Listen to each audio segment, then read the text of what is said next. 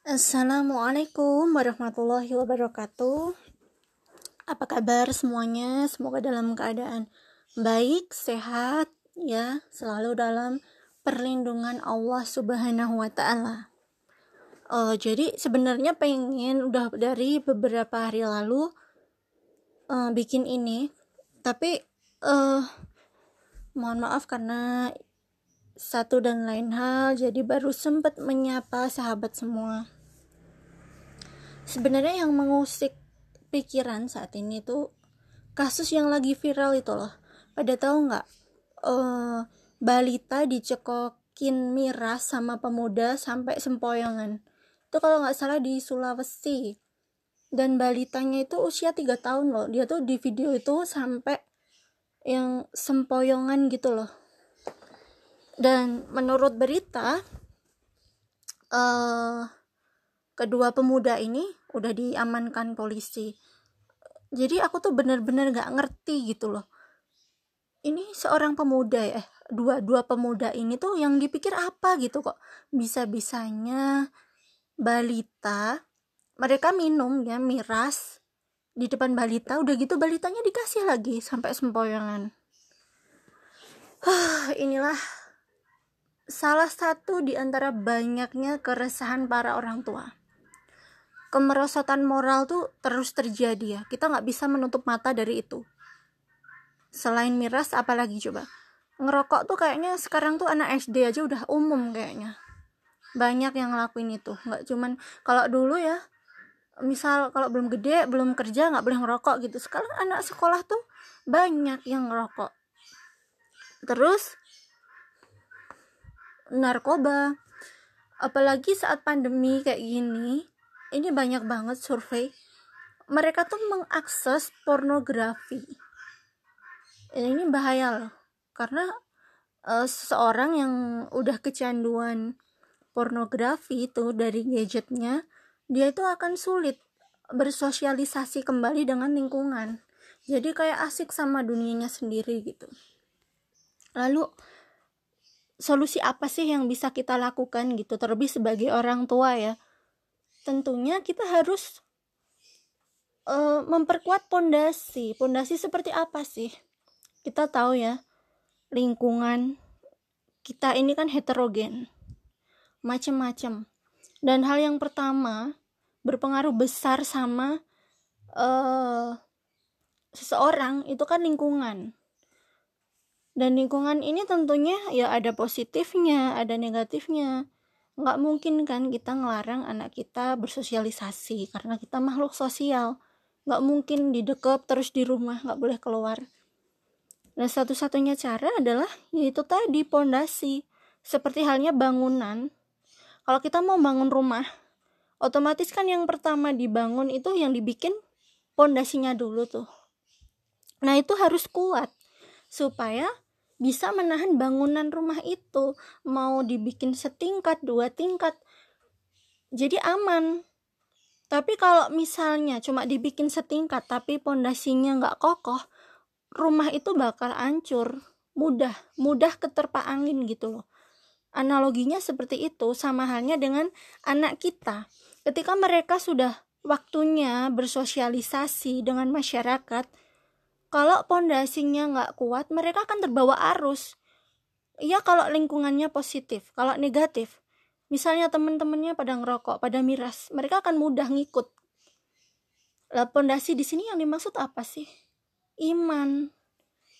Bukankah kita sebagai orang tua itu tugasnya mengarahkan, memfasilitasi, membekali, ya kan?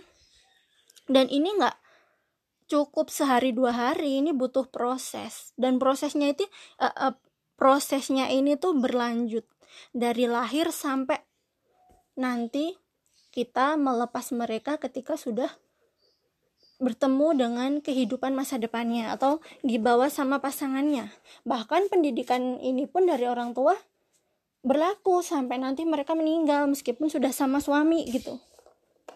Lalu apa sih yang bisa kita lakuin uh, sejak masih dini kalau uh, aku ngikutin kuluap gitu ya.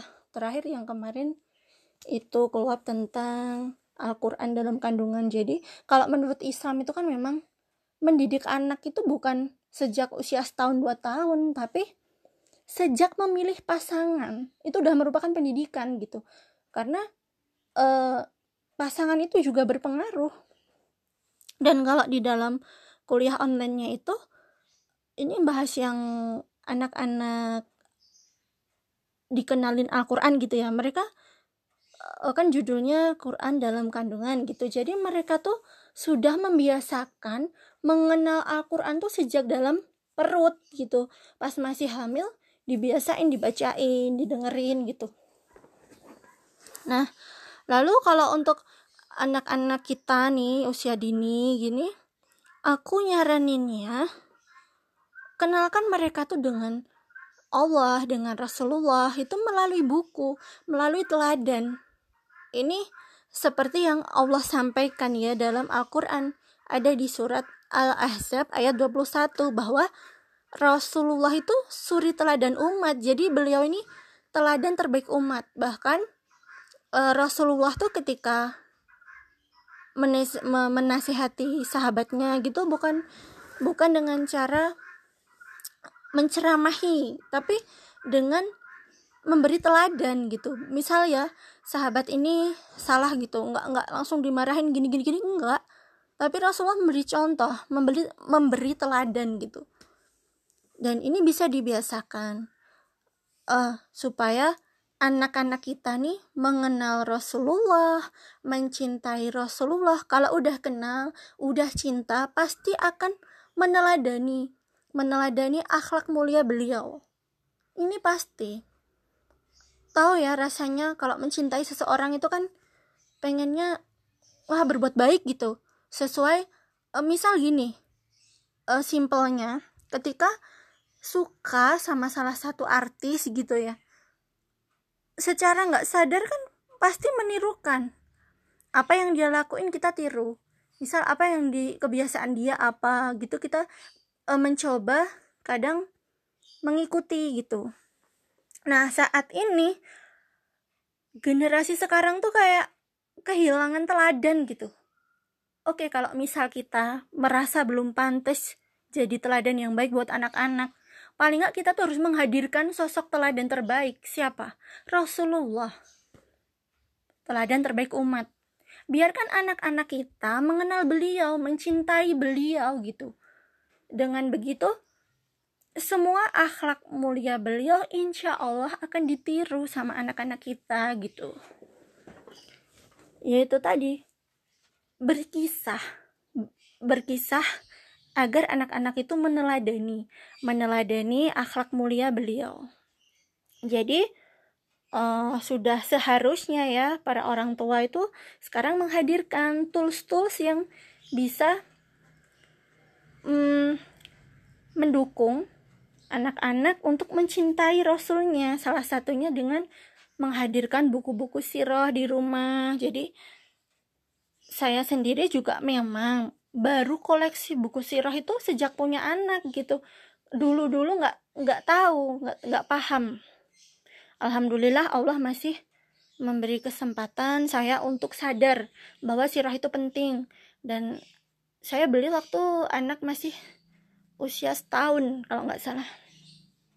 Dan rekomendasi dari saya buku-buku sirah yang saya pakai ini adalah buku-buku dari Sigma Daya Insani. Dan kabar baiknya ini ada diskon. Bisa beli cash maupun arisan. Tapi diskonnya cuma sampai besok. Ada diskon 32,5% dan arisannya itu uh, ada yang 5 bulan ada yang 10 bulan. Jadi kalau teman-teman mau arisan gitu ada yang start form sehari misal nabung 7000 gitu bisa dapet. Ya udah selamat beraktivitas semuanya. Wassalamualaikum warahmatullahi wabarakatuh